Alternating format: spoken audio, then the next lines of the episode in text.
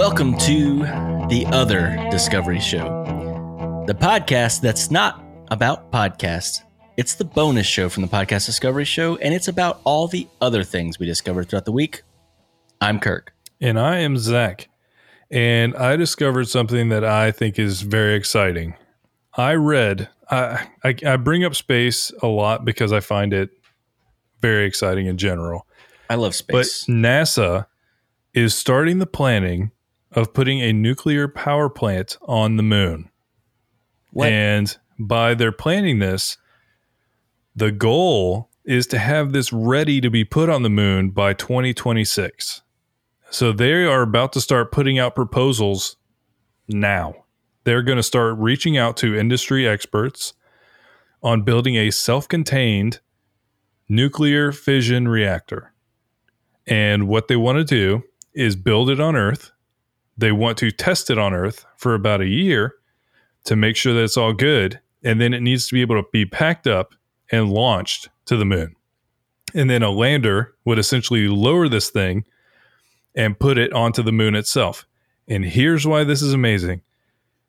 This is the first step for one traveling to somewhere like Mars because that's the reason we haven't been able to do it so far is because it takes so much effort for us to get out of the atmosphere that we haven't been able to do that and then also make I think it's like 9 months in a spaceship to get to Mars. Mm.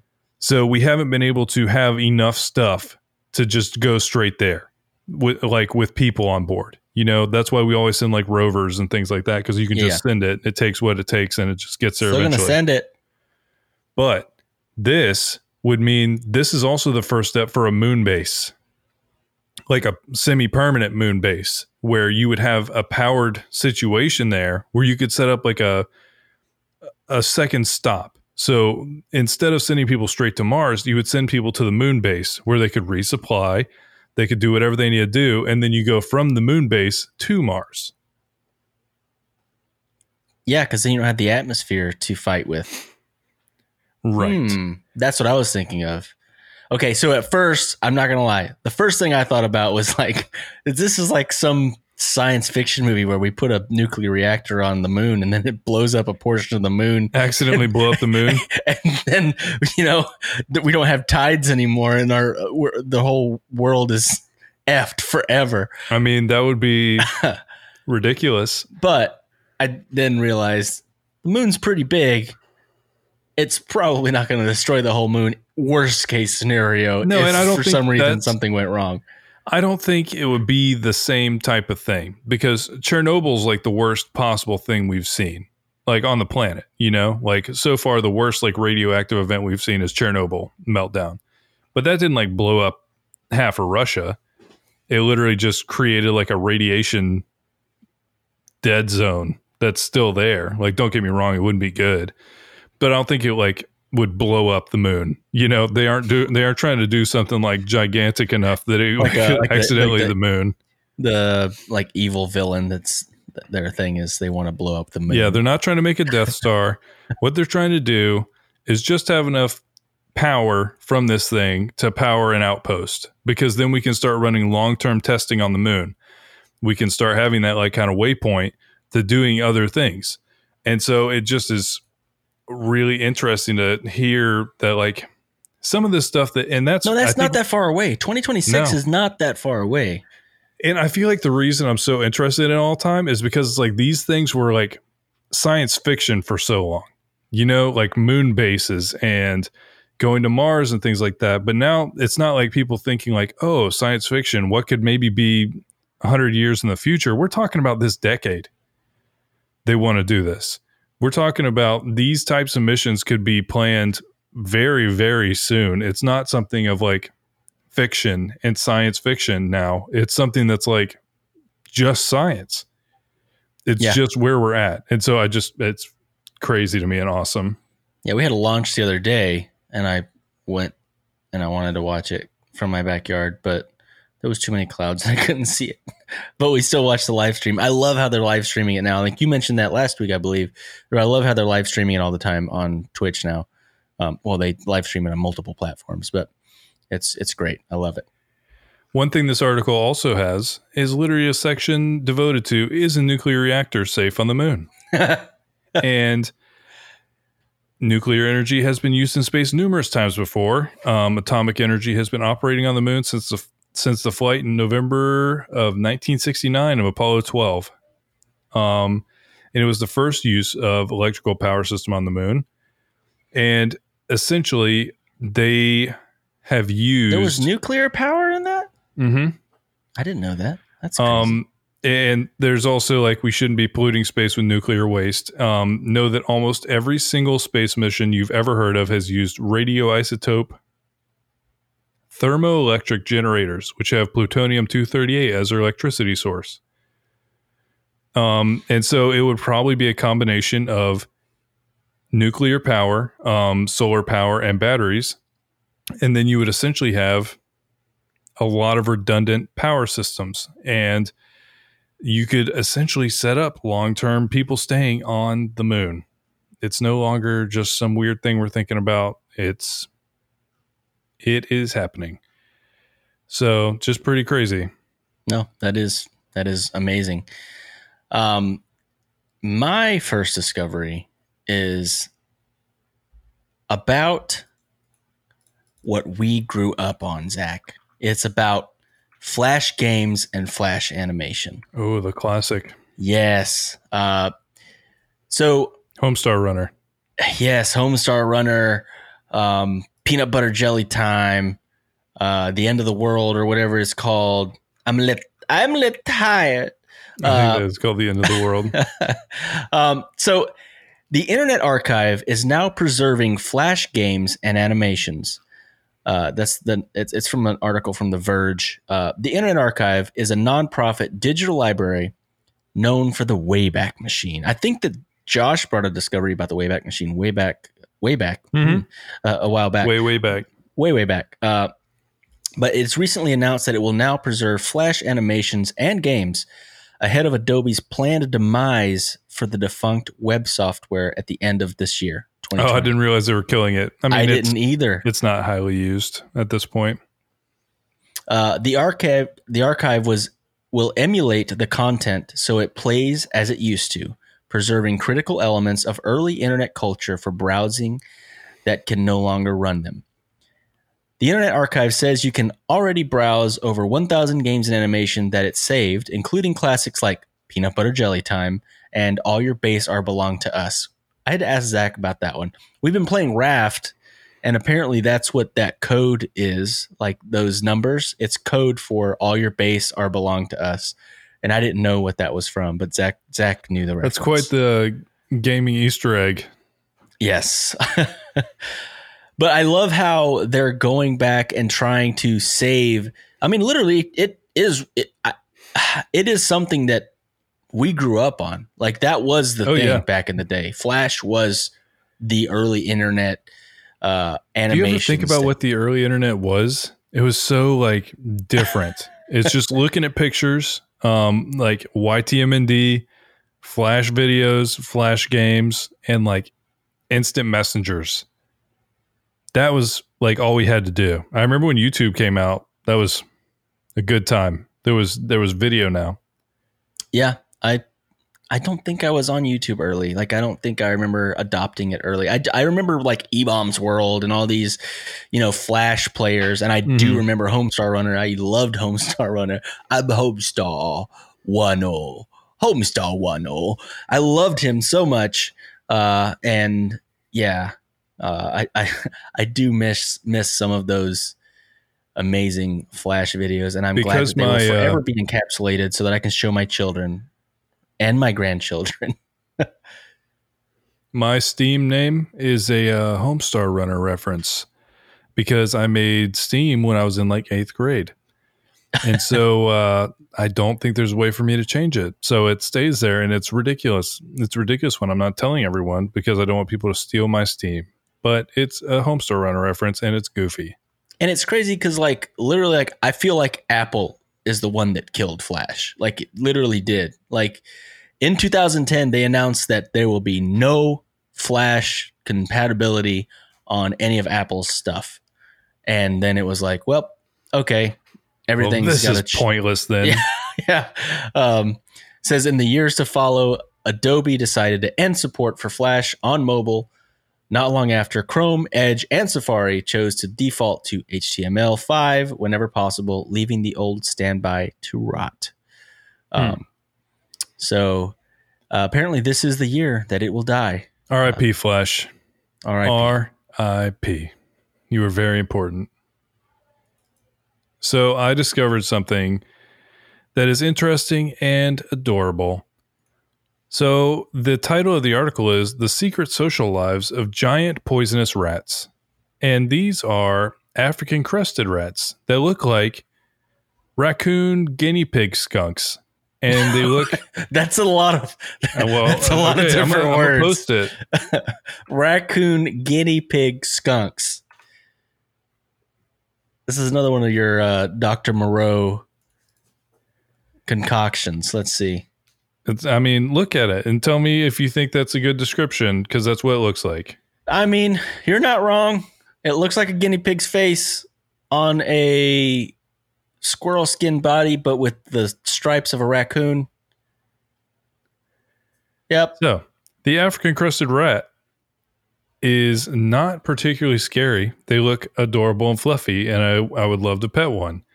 Mhm. But it is one of the only, I think maybe the only mammal that sequesters poison, which means it takes it. And so, what they do, and this is something that that it, Hmm. people in Africa had assumed it was poisonous for a very long time. People always kind of get the idea. I'm sure somebody tried to eat one and was killed because they have essentially So they eat very- something that's poisonous and then they hold it in their bodies. no, they they put it on there. So it is Oh. oh, it's the only mammal known to sequester plant toxins for chemical defense. And so they have I on see. them a type of poison that is so lethal it can kill an elephant and just a few milligrams Wait, can kill a human. What? And Dang.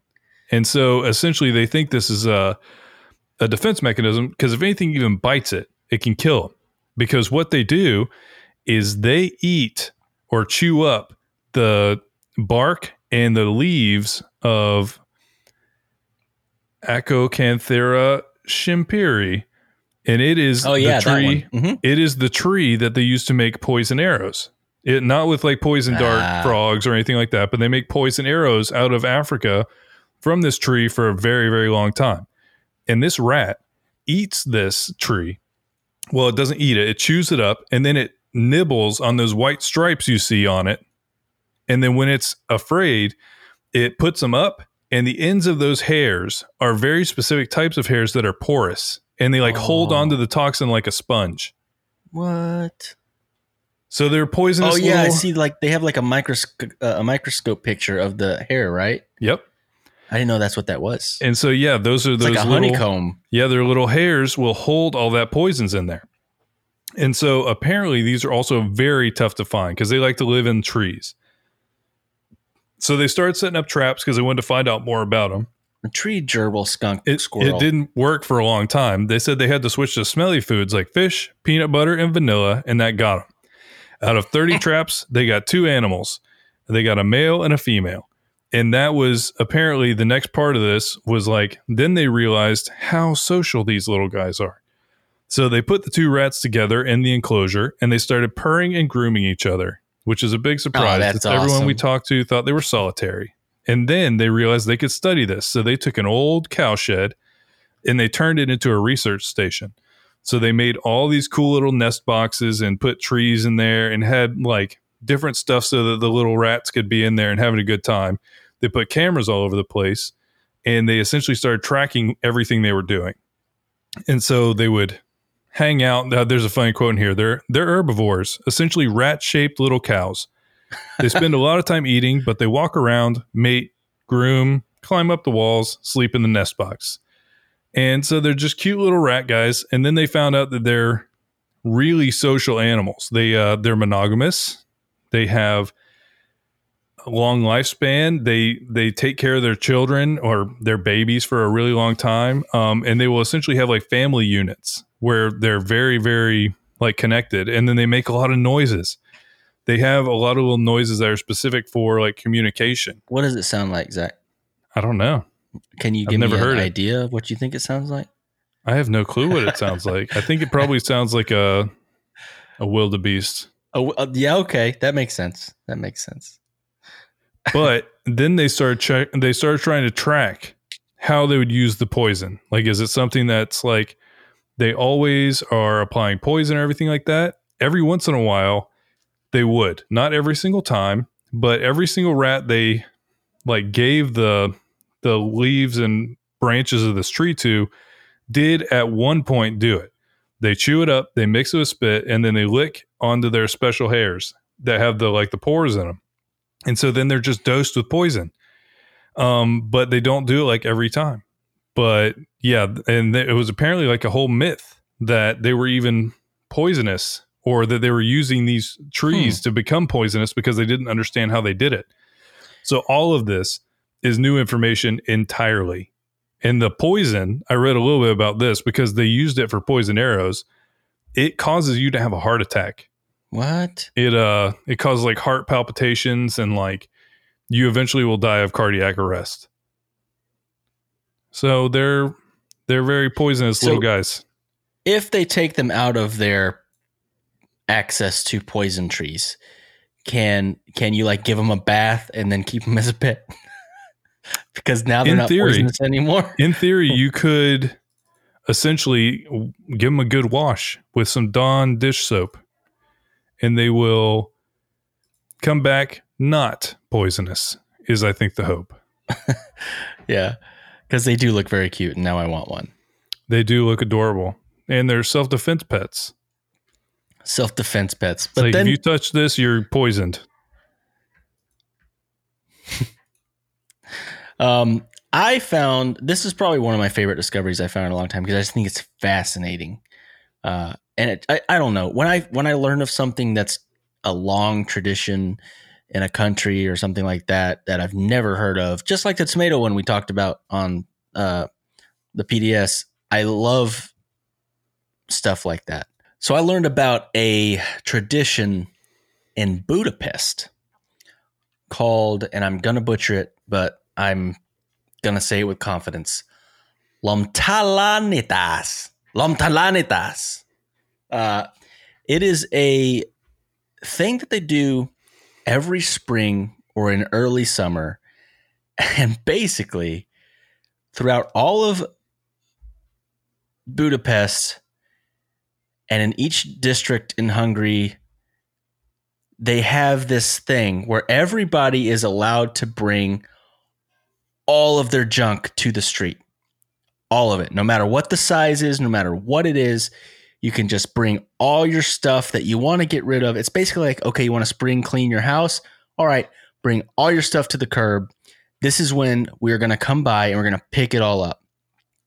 But they tell them ahead of time so that people can put it on the curb and then it becomes this giant like rummage sale but where everything's free and so there's Everybody literally Puts somebody else's junk in their house instead of your junk.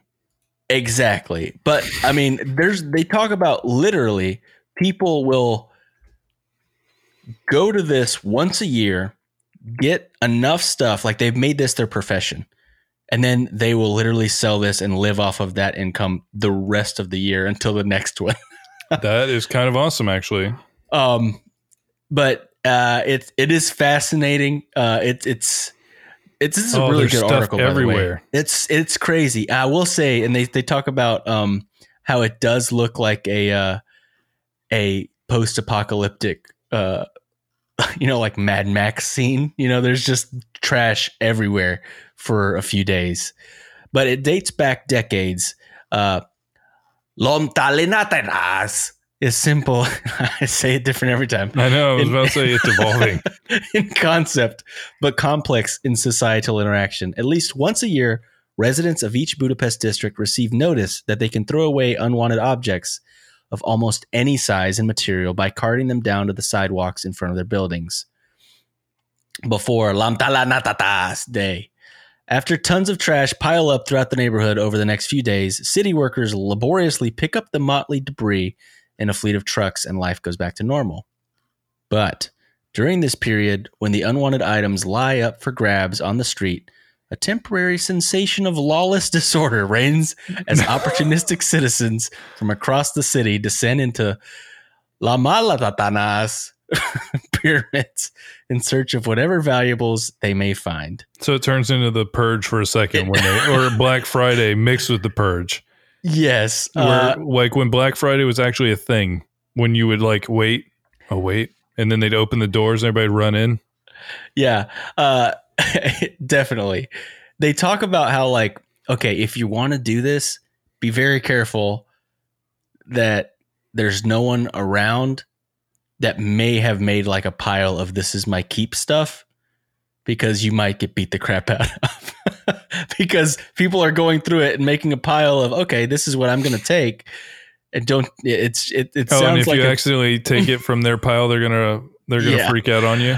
Uh, I love this because I guess that the writers of this uh, article went on the last day of this recent one.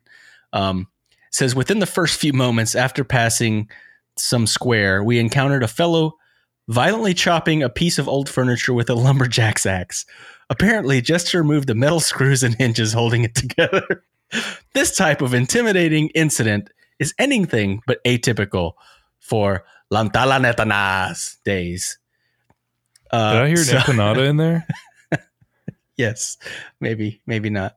But also, I thought another fascinating thing is they they bring up the fact that it's a very it's like a buffet for local artists because they'll go out there, they'll get scrap metal, they'll get things, and then they'll Mm. make art out of it. Hmm. Uh, I, there's just so many different layers to you know the the fascinating. Yeah, I, and I also like that like there's an option. This is gonna probably go to the trash, but hey, if you can use it, come take it. You know what I mean? It's like a yard sale, but not because you're not making any money off of it. Yeah. Uh, but I don't know. I found it fascinating, although it does look like a mess. Uh, yeah, it sounds awesome though. It like, I'm sure it would be intense to uh, be in Hungary and try and do this, but I, I would go. That sounds fun. So I discovered something that might be important to others, as it as it was to me for the vast majority of my life. I read a study that is literally a scholarly journal. So I will save you. This is going to be paraphrased, but it will be in the show notes if you'd like to check it out. But this is a literal study that they did about procrastination. So they tried to figure out why people procrastinate. They tried to figure out what the effects of that were. And they try to figure out ways to help you. Zach's going to tell us overcome about an article about how procrastinators are the smartest, most intelligent, most creative people. No, definitely not Just- that. I'm just kidding. um, I'm going to tell you about the fact that procrastinators, for the most part, procrastinate not out of laziness or poor time management. It's because of the negative emotions around a task. It's uh, either like dreading doing it, having anxiety about doing it, being bored or stressed while you're doing something. That's why a lot of times school will do it. So, like when uh, for me, definitely in school was the worst I've ever been with procrastinating because I just I wouldn't do it till the morning of. Um, and I think that was mostly mostly because I was like bored slash I just didn't feel like I wanted to do it. But then there was sometimes like if it was like a really tough class or like something that you felt like almost like defeated in, that mm. would really make it so that you would procrastinate. And so they literally look into a lot of people when they're procrastinating, it's not at all that they're lazy or don't want to do anything. It's that they are afraid of that failure or they're afraid of even the potential of failure or it's something they failed before and they don't want to do it again. So there's a lot of it basically comes down to procrastination is like you're dealing with an emotional issue Hmm. related to a task. And one of the best ways to try to kind of change the how you're viewing it is you try to figure out instead of looking at the anxiety or any of the negative emotions that come with whatever you're about to do try to figure out the long game on it you know try to figure out the plus sides the things that are going to be beneficial to you even if it's just like a silver lining like a little thing that can just help you see it in a different light will make it so that you're not as likely to procrastinate. Fascinating. I I do procrastinate on some things, and I think it definitely can reflect. I think I could definitely relate to it being something that is that I'm not wanting to do. Uh, but I think overall, I don't procrastinate all that much because I usually do the opposite. I'm like, oh god, I don't want to do this. Let me just get the freak over with. Yeah, that's what, what, I've switched to as it. an adult. You know, it's like let's rip the band aid and then hang out. Yep, exactly. You know, when you do it, you get it over with, then you don't have to worry about it anymore. Yeah, because sometimes, at least, and I think maybe more as an adult, like you said, I think I've realized that sometimes the anxiety of not wanting to do the thing is worse than actually doing the thing. Oh, for me, it always is. That's what ended up switching it for me because I think this really shifted for me when I got out of school and I had to start doing like job interviews because I would always get like job interviews at like 6 p.m. or something like that. And I'm like, I went through like a whole day of like, oh, I'm just nervous and like my stomach's in knots and all that. And so I was like, mm. I would rather just do this interview at seven. So I'm barely awake and just like walk in without knowing what's going to happen and then just go. Then I'm done. Then I have my whole day to recover. Yeah. So yeah, I think just as an adult, I've shifted away from wanting to put off things. And it's like, if I really don't want to do it, a lot of times I'm just like, okay, we're just going to do that right now. So I don't have to think about it anymore. Same Z's. All right, guys. Thank you so much for tuning in to the Other Discovery Show. Um, we do record this live every week on Twitch, uh, twitch.tv slash podcast discovery show at 8 p.m. Eastern Standard Time. And if you want to be a part of the show and or watch it live, we'd love to have you guys come in. Uh, we we also I like to I like that we be able to share the links as we're talking about them specifically like for TODS. It's it makes it a little bit more interactive and fun. Yeah, it definitely is really fun being able to uh, to get some feedback as we're as we're recording. It's it's something that we had wanted to do because we thought it would be fun to listen to a show and be able to talk to them directly if if they think of something. So it's been really fun to do, and we hope that you'll uh, stop in sometime and say hello. Yeah. So I hope you guys have a great week, and we will see you next week.